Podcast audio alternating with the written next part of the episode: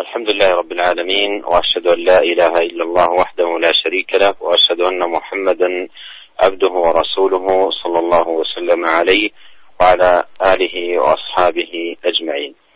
أما بعد فقد وصلنا في قراءتنا في كتاب رياض الصالحين للإمام النووي رحمه الله تعالى إلى باب الصبر.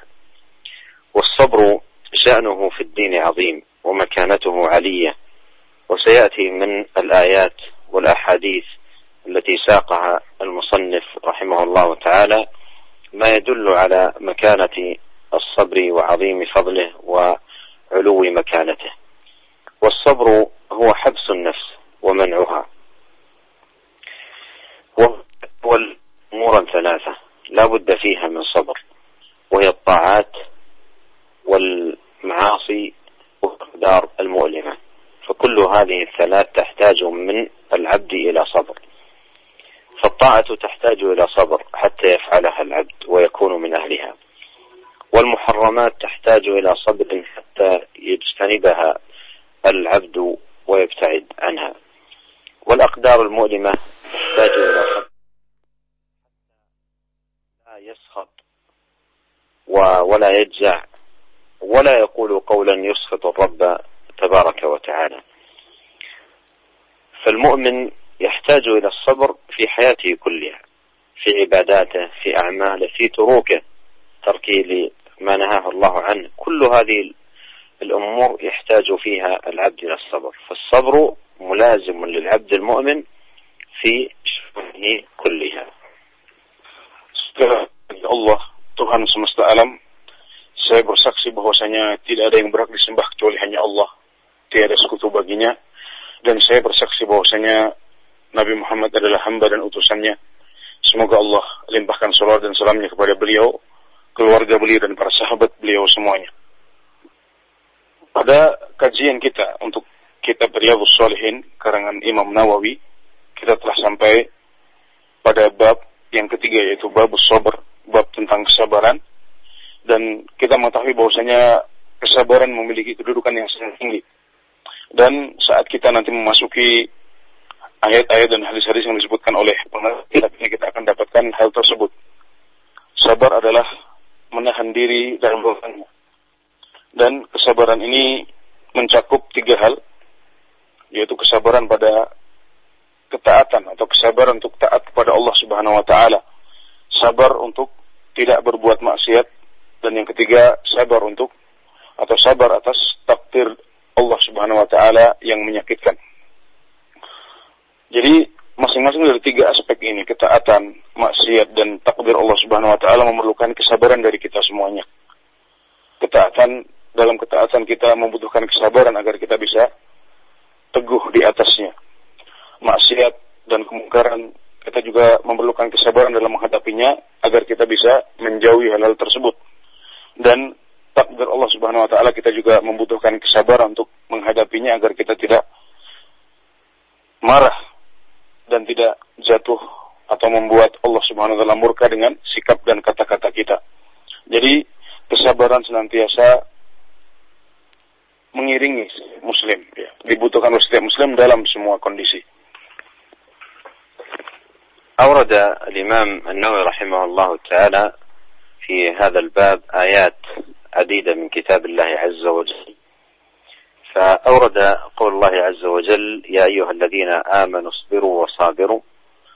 وقول الله سبحانه ولنبلونكم بشيء من الخوف والجوع ونقص من الأموال والأنفس والثمرات وبشر الصابرين. وقول الله تعالى إنما يوفى الصابرون أجرهم بغير حساب. وقول الله تعالى ولمن صبر وغفر إن ذلك لمن عزم الأمور.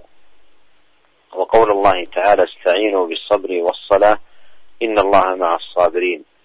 قول الله تعالى ولنبلونكم حتى نعلم المجاهدين منكم والصابرين. ثم قال رحمه الله والآيات في الأمر بالصبر وبيان فضله كثيرة معروفة. وهذه الآيات التي أوردها وأشار رحمه الله تعالى إلى كثرة نظائرها في كتاب الله سبحانه وتعالى تدل دلالة ظاهرة على مكانة الصبر وعظيم شأنه وجزيل ثوابه عند الله سبحانه وتعالى وأن الصابرين يوفيهم الله سبحانه وتعالى أجرهم لقاء صبرهم بغير حساب وأن لهم البشارة العظيمة بكل خير وأن الله سبحانه وتعالى معهم. مؤيدا وناصرا وحافظا ومعينا. إلى غير ذلك من الفضائل العظيمة والمكرمات الجزيلة التي أعدها الله تبارك وتعالى لعباده الصابرين.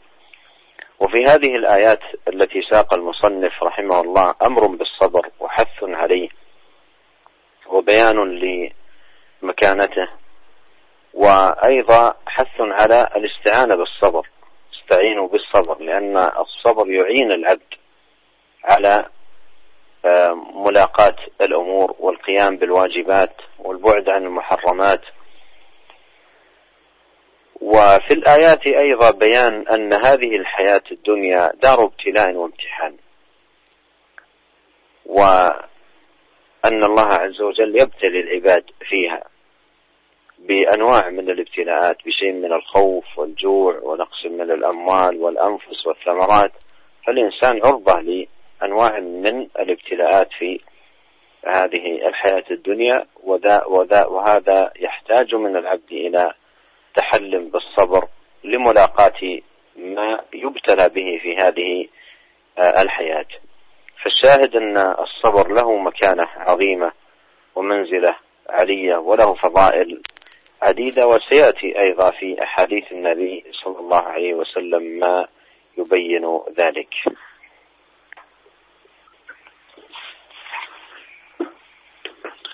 Dalam bab ini pengarang kitab Riyadhus Shalihin menyebutkan beberapa ayat Al-Qur'an. Di antaranya adalah firman Allah Subhanahu wa taala yang artinya wahai orang-orang yang beriman sabarlah dan berlombalah dalam sabar. Kalahkanlah orang lain dalam kesabaran. Kemudian firman Allah Subhanahu wa taala dalam ayat yang lain dan niscaya kami akan uji kalian dengan sesuatu dari rasa takut dan rasa lapar serta kekurangan dalam harta dan jiwa serta buah-buahan. Maka berikanlah berikanlah kabar gembira kepada orang-orang yang sabar. Juga firman Allah Subhanahu wa taala dalam ayat yang lain yang artinya sesungguhnya hanya orang-orang sabarlah yang diberikan pahala mereka tanpa perhitungan. Juga firman Allah Subhanahu wa taala yang lain yang artinya dan sungguh barang siapa yang sabar dan memberikan maaf maka itu semuanya adalah perkara-perkara yang wajib. Juga firman Allah Subhanahu wa taala yang artinya dan mintalah kalian pertolongan dengan sabar dan sholat. Sesungguhnya Allah bersama orang-orang yang sabar. Dan firman Allah Subhanahu wa taala yang artinya dan niscaya kami akan uji kalian sampai kami mengetahui siapa yang sungguh-sungguh dan sabar di antara kalian. Kemudian Imam Nawawi rahimahullah taala menyebutkan bahwasanya ayat-ayat yang lain yang semacam ini yang memerintahkan kepada kesabaran dan menjelaskan keutamaannya sangat banyak dan diketahui oleh semua orang. Ya. Dalam ayat yang banyak ini kita bisa mendapatkan bahwasanya ayat-ayat ini menunjukkan perintah untuk sabar, keduduk eh, tingginya kedudukan sabar serta besarnya pahala orang yang melakukan kesabaran. Dalam ayat ini disebutkan bahwasanya orang-orang yang sabar akan diberikan pahala mereka tanpa hisab. Dan Allah akan bersama mereka dengan menjaga dan menolong mereka. Dan hal-hal lain yang merupakan anugerah dan kurnia dari Allah Subhanahu wa taala untuk orang-orang yang sabar. Dalam ayat-ayat ini kita bisa mendapatkan perintah kepada kesabaran dan anjuran untuk melakukannya. Perintah untuk isti'anah atau meminta pertolongan dengan kesabaran dalam menjalankan kewajiban dan meninggalkan hal-hal yang diharamkan oleh Allah Subhanahu wa taala. Dalam ayat-ayat ini kita juga bisa tarik kesimpulan bahwasanya dunia adalah tempatnya ujian. Kita akan diuji dengan rasa takut, rasa lapar, dan kekurangan. Dan kita semuanya akan menghadapi hal tersebut ya. Manusia akan dihadapkan pada ujian-ujian dan untuk menghadapinya manusia membutuhkan kesabaran. Intinya sabar memiliki kedudukan yang sangat tinggi dan keutamaan yang sangat besar. Dan itu akan semakin jelas saat kita melihat kepada hadis-hadis yang disebutkan oleh Al-Imam Nawawi dalam bab ini.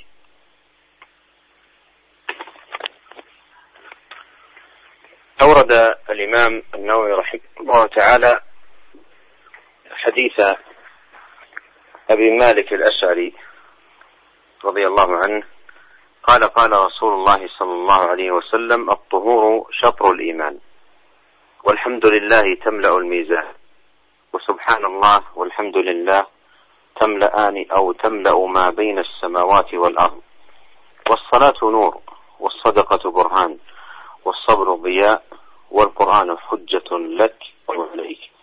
كل الناس نفسه فمعتقها أو موبقها. رواه مسلم. هذا الحديث معدود في جوامع كلم النبي عليه الصلاة والسلام. وقد أورده الإمام النووي رحمه الله في كتابه الأربعين. لأنه على شرطه في أن لا يورد فيه إلا الأحاديث الجوامع. واشتمل على جملة من الألفاظ في بيان آه، فضائل الأعمال. بل قال بعض أهل العلم إن هذا الحديث من أجمع الأحاديث في بيان فضائل الأعمال. وبدأ بفضل الطهارة وعظيم مكانتها وأنها شطر الإيمان أي نصفه ثم بيان فضل الذكر والحث عليه والترغيب فيه وعظيم ثوابه عند الله وأن حمد الله عز وجل يملأ الميزان وأن سبحان الله والحمد لله يملأان ما بين السماء والأرض.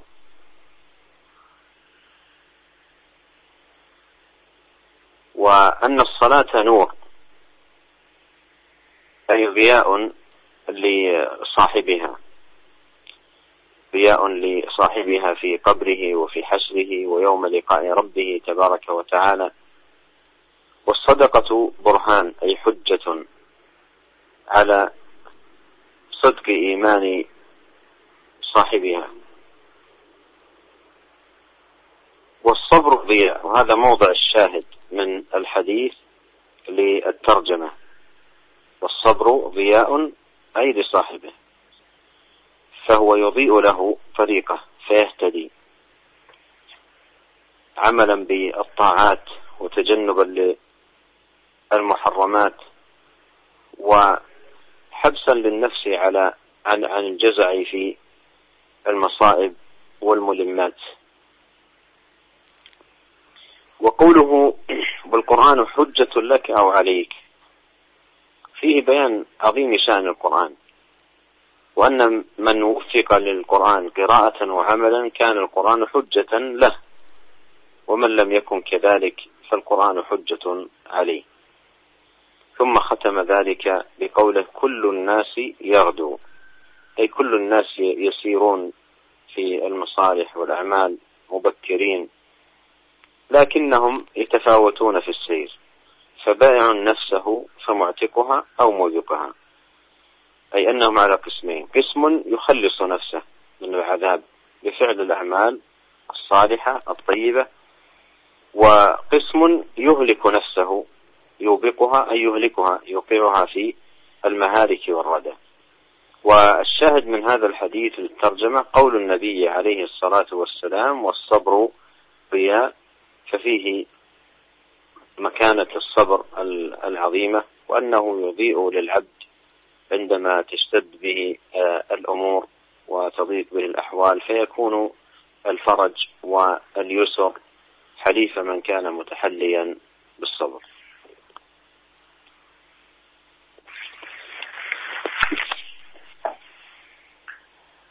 kemudian Al-Imam Nawawi rahimahullah taala menyebutkan sebuah hadis yang diriwayatkan oleh Muslim dari Abu Malik Al-Haris bin Ahmad Al-Asri radhiyallahu anhu. Beliau berkata, Rasulullah sallallahu alaihi wasallam bersabda, bersuci atau wudhu itu adalah setengah daripada iman. Dan alhamdulillah memenuhi timbangan.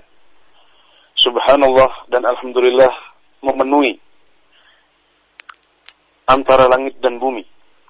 Dan sholat itu adalah cahaya, sodakoh adalah bukti, kesabaran adalah sinar, dan Quran adalah hujah untuk Anda atau atas Anda. Hujah atas kamu atau at untuk kamu atau atas kamu. Setiap orang itu pergi pada waktu pagi dan sebagian dari mereka menjual dirinya kemudian membebaskannya dan yang lain adalah membinasakannya.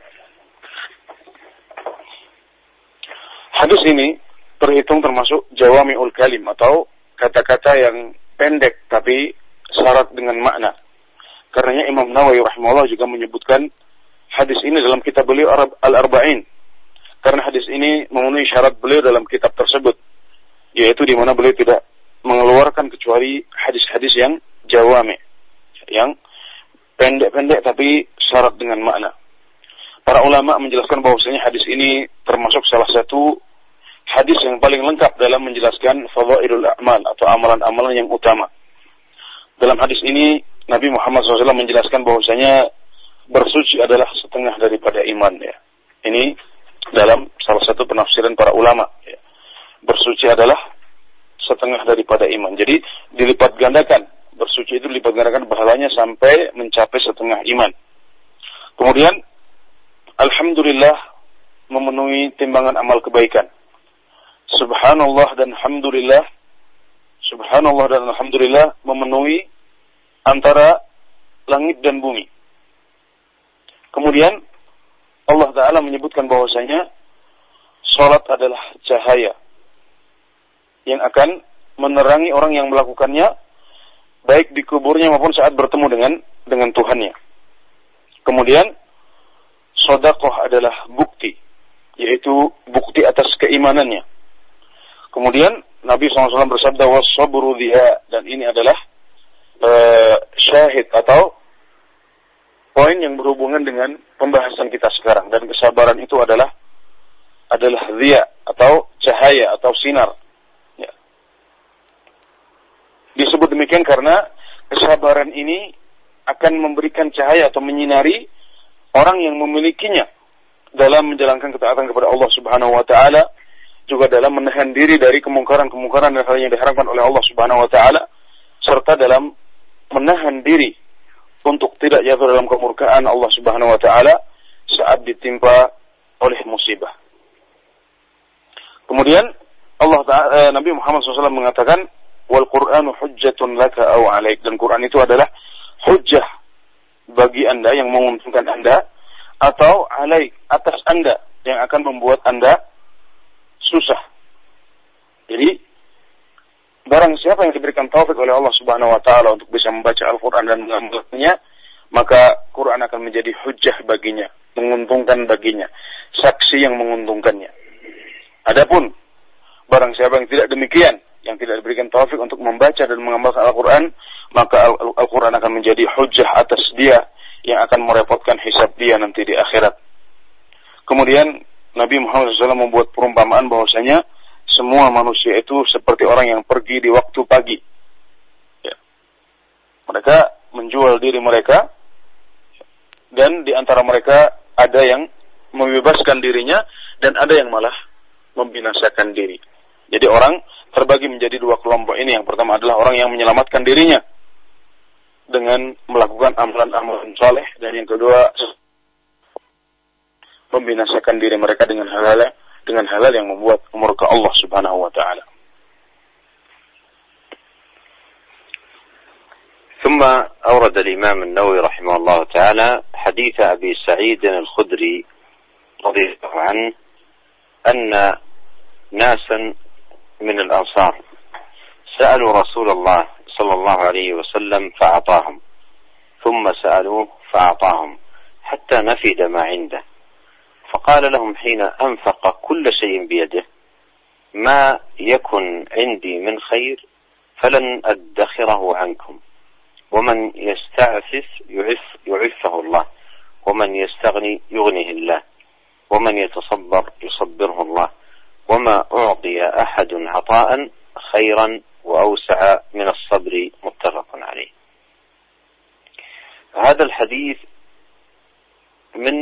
الأحاديث التي تدل على مكانة الصبر وأن من يتصبر أي يحث نفسه ويرغبها ويوقدها على الصبر يصبره الله أي يرزقه الله الصبر ويجعله من الصابرين. وأخبر عليه الصلاة والسلام أن أن الصبر عطاء من أوسع العطاء من أوسع العطاء. قال وما أعطي أحد عطاء خيرا وأوسع من الصبر. بمعنى أن من يوفق للصبر وفق للخير كله لأن الصبر أساس تقوم عليه الخيرات ويقوم عليه التحلي بالفضائل. والحديث له قصة ألا وهو أن ناسا من الأنصار سألوا رسول الله صلى الله عليه وسلم أي أن يعطيهم فأعطاهم. ثم سألوه ثانية أن يعطيهم فأعطاهم حتى نفد ما عنده. وكان عليه الصلاة والسلام يعطي عطاء من لا يخشى الفقر. فقال لهم حين أنفق كل شيء بيده ما يكن عندي من خير فلن أدخره عنكم. أي سأعطيكم إياه. ثم نبههم. عليه الصلاة والسلام على معاني جليلة وعظيمة وبين لهم في الوقت نفسه آثارها آثارها المباركة. قال ومن يستعفف يعفه الله. أي من يتحلى بالعفاف ويكن من أهله ويجاهد نفسه على ذلك يعفه الله يكتب الله سبحانه وتعالى له أن يكون من أهل العفاف. ومن يستغني؟ يغنيه الله. أي يستغني عما في أيدي الناس. فلا يسألهم ولا يطلب منهم. ويمنع نفسه من ذلك. يغنيه الله أي من فضله سبحانه وتعالى. ومن يتصبر على فقر وعلى ألم وعلى مصيبة وعلى آه، أي أمر يحتاج إلى صبر يصبره الله أي يمن عليه بالصبر. ثم ذكر عليه الصلاة والسلام أن الصبر أوسع العطاء وأجزله قال وما أعطي أحد عطاء خيرا وأوسع من الصبر Kemudian Al-Imam Nawawi rahimahullah taala menyebutkan hadis yang kedua yaitu hadis yang diriwayatkan oleh Al-Bukhari dan Muslim dari Abu Sa'id Al-Khudri radhiyallahu anhuma bahwasanya ada beberapa orang Ansor yang datang kepada Rasulullah SAW dan meminta beberapa hal dari beliau ya. Meminta untuk memenuhi kebutuhan mereka kepada beliau. Maka Nabi Muhammad SAW memberikan permintaan mereka itu. Kemudian beliau, kemudian mereka meminta lagi dan Nabi memberikan lagi sampai akhirnya habislah apa yang tadi tangan beliau. Maka ketika sudah habis, ketika semua harta yang ada pada beliau sudah habis, beliau mengatakan apa pun yang ada di tanganku berupa kebaikan, maka aku tidak akan menahannya atau menyembunyikannya dari kalian. Artinya aku akan memberikannya kepada kalian. Dan barang siapa yang berusaha untuk menjaga diri, maka Allah akan menjaga dirinya. Barang siapa yang berusaha untuk mencukupkan dirinya, Allah akan mencukupkannya. Barang siapa yang berlatih atau berusaha untuk sabar, maka Allah akan menjadikannya orang yang sabar. Dan tidaklah seseorang diberikan sebuah pemberian yang lebih besar dan lebih luas daripada yang lebih baik dan lebih luas daripada daripada kesabaran. Dalam hadis ini Nabi Muhammad SAW menjelaskan bahwasanya kesabaran itu perlu dilatih. Bahwasanya barang siapa yang berusaha untuk sabar, berusaha untuk berlatih untuk sabar, maka Allah akan menjadikannya sebagai orang yang sabar. Kemudian Nabi Muhammad SAW menjelaskan bahwasanya kesabaran adalah anugerah yang paling besar. Beliau mengatakan bahwasanya tidaklah seseorang itu diberikan anugerah oleh Allah Subhanahu wa taala yang lebih baik dan lebih luas daripada daripada kesabaran karena kesabaran adalah pokok dari semua kebaikan dan di atasnya terbangun semua keutamaan. Hadis ini memiliki sebuah kisah seperti yang sudah disebutkan di atas, yaitu bahwasanya Nabi Muhammad SAW diminta oleh orang-orang Ansar dan beliau masih terus memberi sampai semua yang ada di tangan beliau habis beliau menafkahkan harta beliau dengan cara orang yang tidak takut pada kemiskinan. Kemudian setelah beliau berikan semuanya, beliau mengajarkan mereka tentang beberapa hal yang yang penting. Beberapa hal yang merupakan keindahan Islam. Di antaranya yang pertama adalah boleh mengatakan barang siapa yang berusaha untuk menjaga diri mereka, maka Allah akan menjaga mereka. Barang siapa yang menjaga diri dan sungguh-sungguh dalam melakukan hal tersebut, maka Allah akan Allah akan menjaganya. Itu janji dari Allah Subhanahu wa taala. Kemudian barang siapa yang berusaha untuk mencukupkan diri, dia tidak minta pada orang lain, tidak minta pertolongan pada orang lain, maka Allah akan membuat dia cukup. Allah akan menjadikan dia kaya. Dan barang siapa yang melatih dirinya untuk sabar, maka Allah akan jadikan dia sebagai orang yang sabar. Barang siapa melatih diri dengan kesabaran saat menjalankan kepada Allah Subhanahu wa taala. Melatih diri untuk sabar dalam menghadapi atau menahan diri dari kemungkaran-kemungkaran juga melatih diri untuk menghadapi takdir-takdir Allah dan musibah-musibah Allah Subhanahu wa taala, maka niscaya Allah akan menjadikan dia sebagai orang-orang yang sabar dan di akhir hadis Nabi Muhammad SAW menjelaskan bahwasanya sabar adalah anugerah yang paling baik dan paling luas untuk seorang hamba dari Allah Subhanahu wa taala.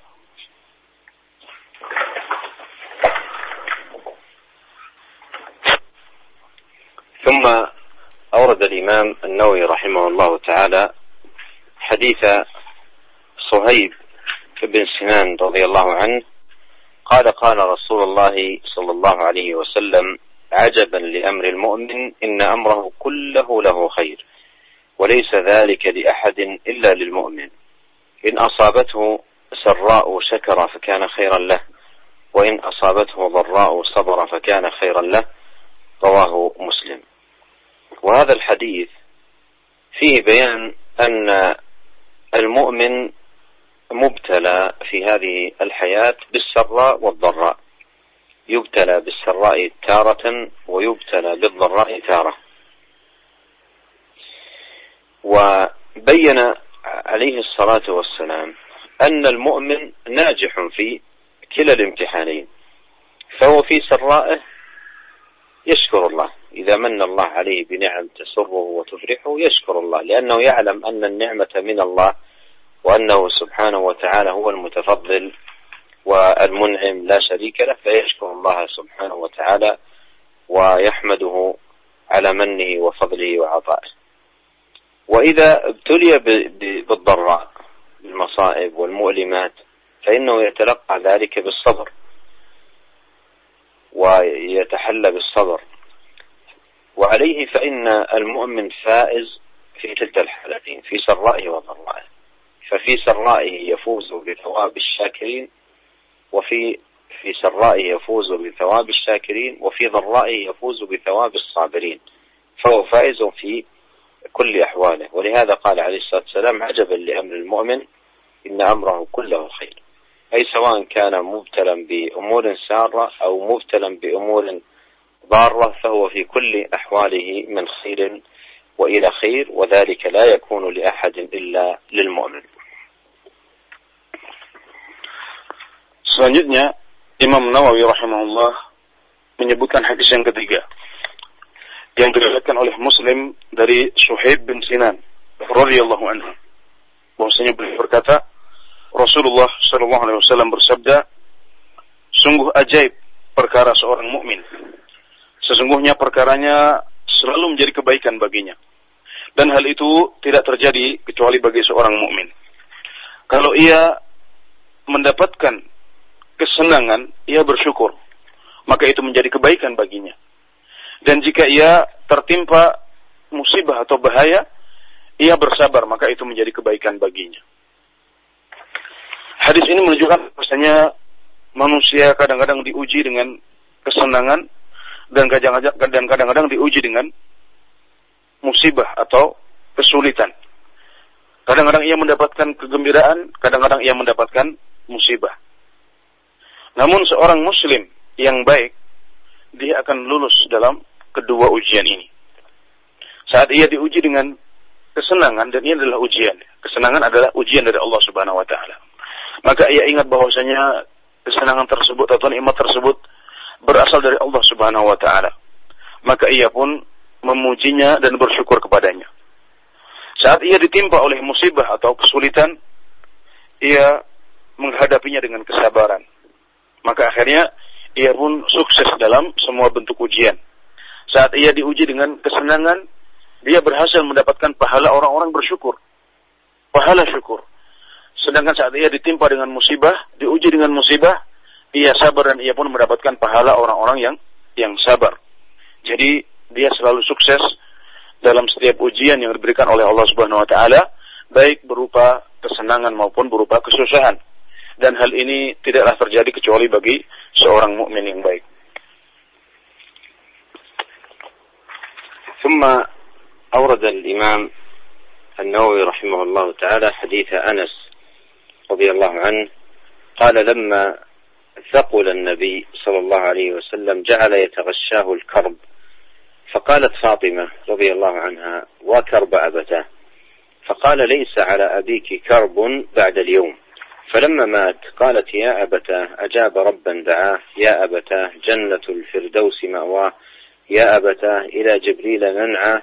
فلما دفن قالت فاطمة رضي الله عنها أطاب أطابت أنفسكم أن تحثوا على رسول الله صلى الله عليه وسلم التراب رواه البخاري. هذا الحديث فيه أن النبي عليه الصلاة والسلام لما ثقل وتغشاه الكرب أي كرب الموت والمفارقة لهذه الحياة. وهذا فيه أن الرسول صلى الله عليه وسلم كغيره من البشر يمرض ويجوع ويعطش. وفي هذا أنه عليه الصلاة والسلام لا يستغاث به ولا يستنجد به ولا يلتجأ إليه بل الالتجاء والاستغاثة إنما تكون بالله سبحانه وتعالى. وفي القرآن الكريم قال الله تعالى قل إنما أنا بشر مثلكم. يوحى إلي أنما إلهكم إله, إله واحد. وكانت ابنته فاطمة رضي الله عنها وأرضاها تتألم من هذا الكرب العظيم. وكانت تقول يا أبتاه أجاب ربا دعاه يا أبتاه جنة الفردوس مأواه يا أبتاه إلى جبريل ننعاه. ففيه هذه الكلمات التي قالتها آه، ليست من باب التسخط. فلا تنافي الصبر. لا تنافي الصبر. و وإنما هي من يسير الندب الذي لا يتنافى مع حقيقة الصبر وتحقيقه. فالحديث فيه بيان مكانة الصبر على المصاب وأن الواجب على المسلم أن يتحلى به وأن يكون من أهله. وإذا كان أشرف خلق الله وأعلاهم مكانة وأحبهم إلى الله سيد ولد آدم عليه الصلاة والسلام قبضت روحه وموته عليه الصلاة والسلام مصيبة هي أعظم المصائب. فهذا فيه أيضا ما يسلي المسلم في مصيبته. فإن النبي عليه الصلاة والسلام قال إذا أصيب أحدكم بالمصيبة فليتذكر مصيبته بي فإنها أعظم المصائب فالشاهد أن الواجب على المسلم في كل مصاب يمر به أن يتحلى بالصبر وأن يستعين بالصبر حتى يفوز بمقامات الصابرين.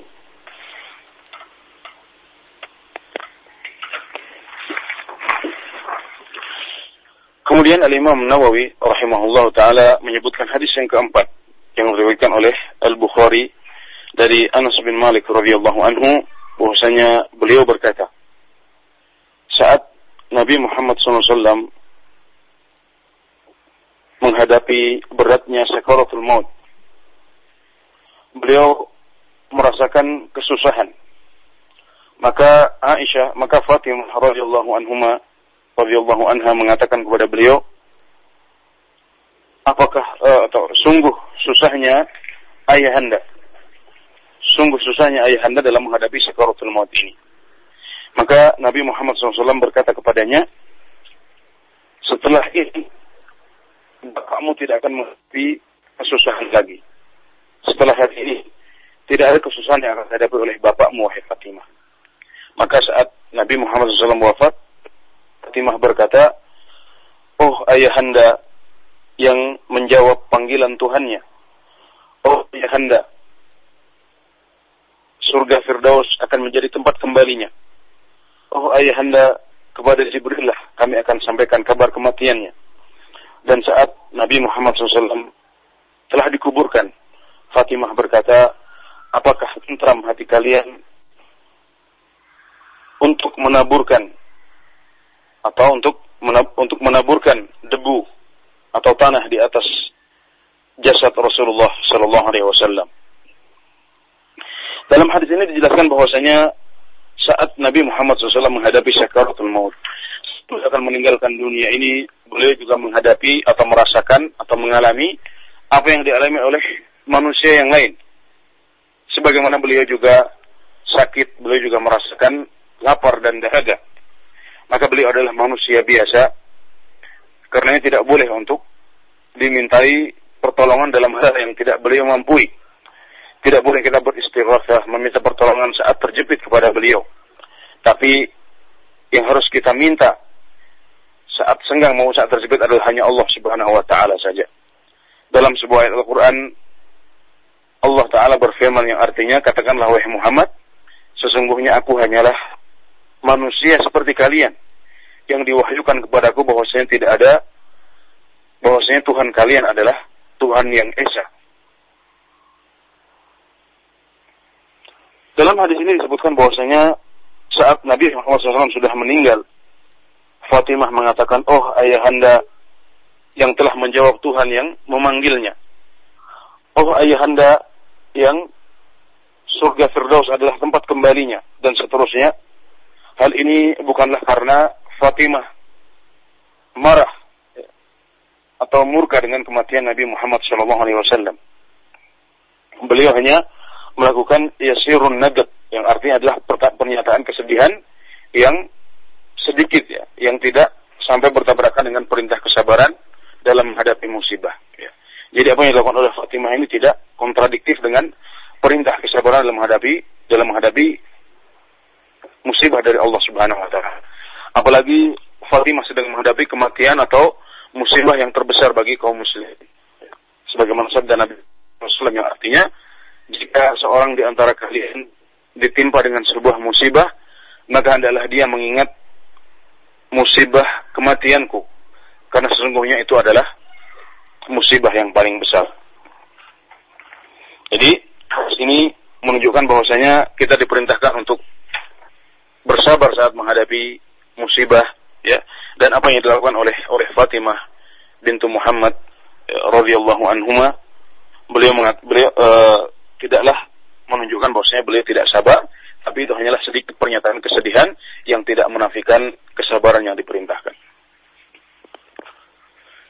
ونكتفي بهذا القدر ونواصل في لقاء الغد إن شاء الله سبحانه وتعالى تبقى من أحاديث تتعلق بهذا الباب ونسأل الله عز وجل أن ينفعنا جميعا بما علمنا وأن يجعل ما تعلمناه حجة لنا لا علينا. إنه تبارك وتعالى سميع الدعاء وهو أهل الرجاء وهو حسبنا ونعم الوكيل.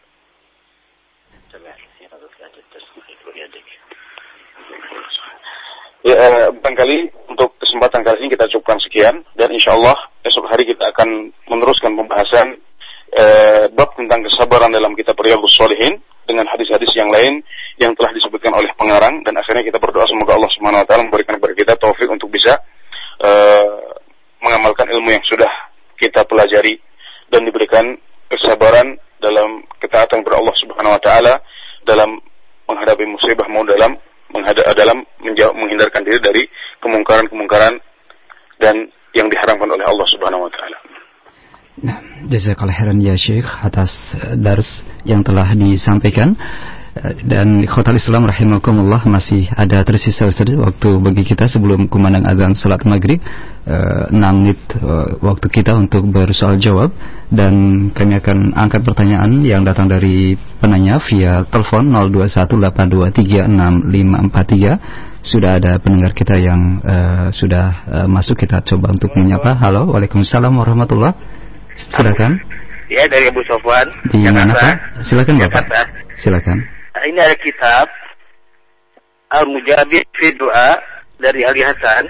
Adalah seorang sahabat dari kalangan Ansor yang dibikunnya Abu Milan. Halo Bapak, Dia mohon maaf. Halo Bapak. Mohon maaf diulangi dan agak dipelankan uh, suaranya karena tidak begitu jelas. Nah. nah ada kitab Mujabid fi Doa dari Al Hasan dari Abi Malik adalah salah seorang sahabat Nabi dari kalangan Ansor dibikunnya Abu Milan. Beliau dirampok oleh seorang perampok untuk meminta hartanya, tapi setelah perampok mengatakan dia juga minta nyawanya. Tapi dia minta dengan syarat, izinkan saya sholat. Nah, begitu dia sholat, sampai empat rakaat, akhirnya pintu langit dibuka, sampai akhirnya malaikat turun membawa kampak dan membunuh orang ini. Nah, ini salah satu contoh kesabaran. Nah, apakah ada contoh-contoh lain yang saya bisa memberikan gambaran apa-apa contoh yang mulia yang bisa kita uh, simak? Jazakallah. Assalamualaikum warahmatullahi wabarakatuh. Nah, Waalaikumsalam warahmatullahi wabarakatuh. Nah, silakan Ustaz. Assalamualaikum.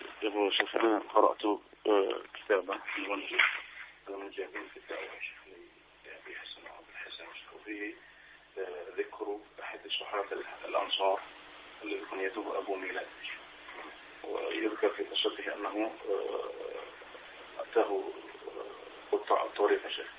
ونهبوا ماله ولما أخذوا ماله. قالوا نريد أيضا نفسك نريد أن يقتلوا رجلا قال لا لم لبس صالح وصل أربع أفراد إلى أن يأتي الملائكة فقتلوا أولئك القلت عائشة يقول هذا من أمثلة الصبر من أمثلة الصبر وهناك أمثلة أخرى للصبر أولا قبل يعني ذكر هذا في أمثلة الصبر. لا بد من التحقق من ثبوته. والذي أذكر أن إسناده غير ثابت. ولعله تتم مراجعة له. ونفصل القول فيه في لقاء الغد.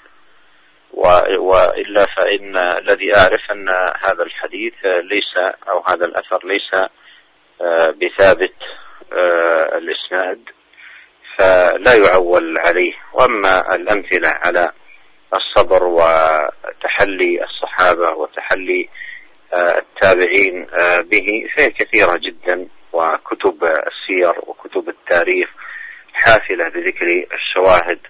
العظيمة والدلائل الكثيرة على ذلك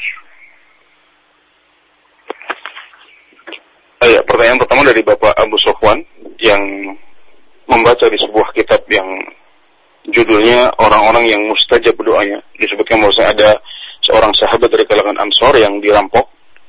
Kemudian setelah dirampok dia juga akan dibunuh oleh para perampok, tapi dia minta izin untuk uh, sholat empat rakaat dan seterusnya. Ya. Dan beliau mengatakan ini adalah salah satu contoh kesabaran dalam menghadapi musibah.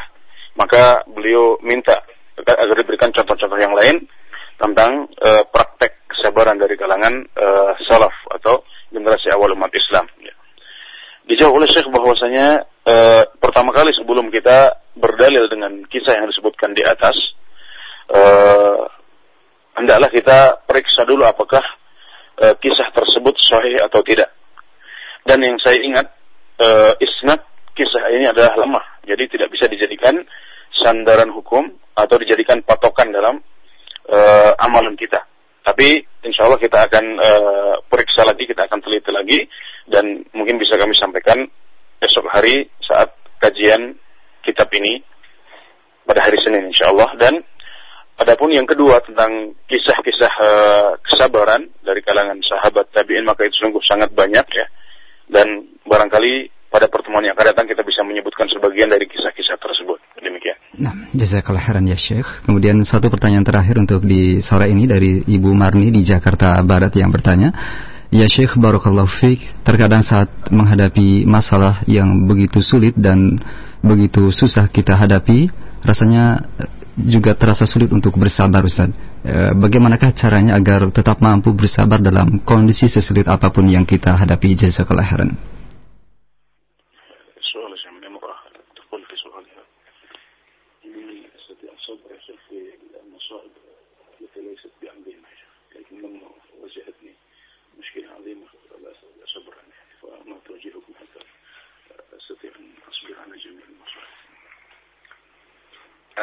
التوجيه في هذا المقام أن تقرأ هذه المرأة هذه الآيات والحديث التي أوردها الإمام النووي رحمه الله تعالى في كتاب رياض الصالحين. تقرأ هذا الباب مرات كثيرة جدا بحيث تداوي نفسها بالعلم وليس هناك دواء أنفع من العلم.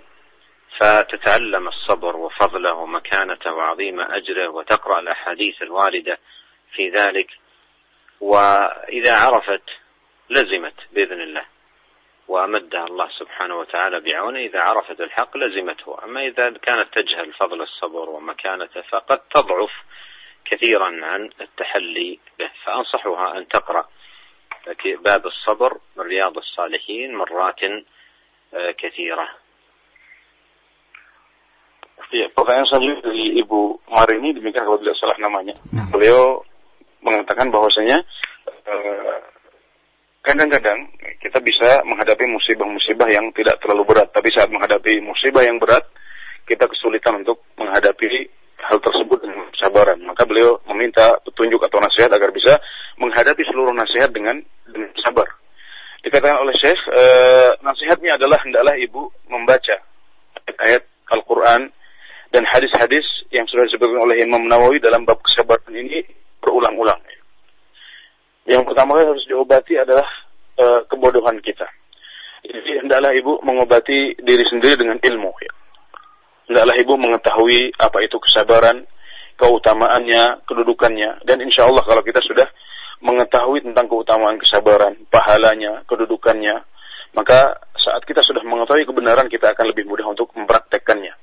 Sebaliknya, saat kita belum mengetahuinya, kita akan lemah dalam praktek. Ya kita akan lemah dalam mempraktekkan kesabaran ini. Jadi pesan kami adalah hendaklah ibu mengulang-ulang dan membaca terus ayat-ayat dan hadis-hadis tentang kesabaran sehingga nanti akan uh, mudah untuk mempraktekkannya demikian. Nah, karena keterbatasan waktu kami mohon kepada Syekh untuk uh, menutup perjumpaan kita di sore hari ini. Nah, tafadhol ya Syekh.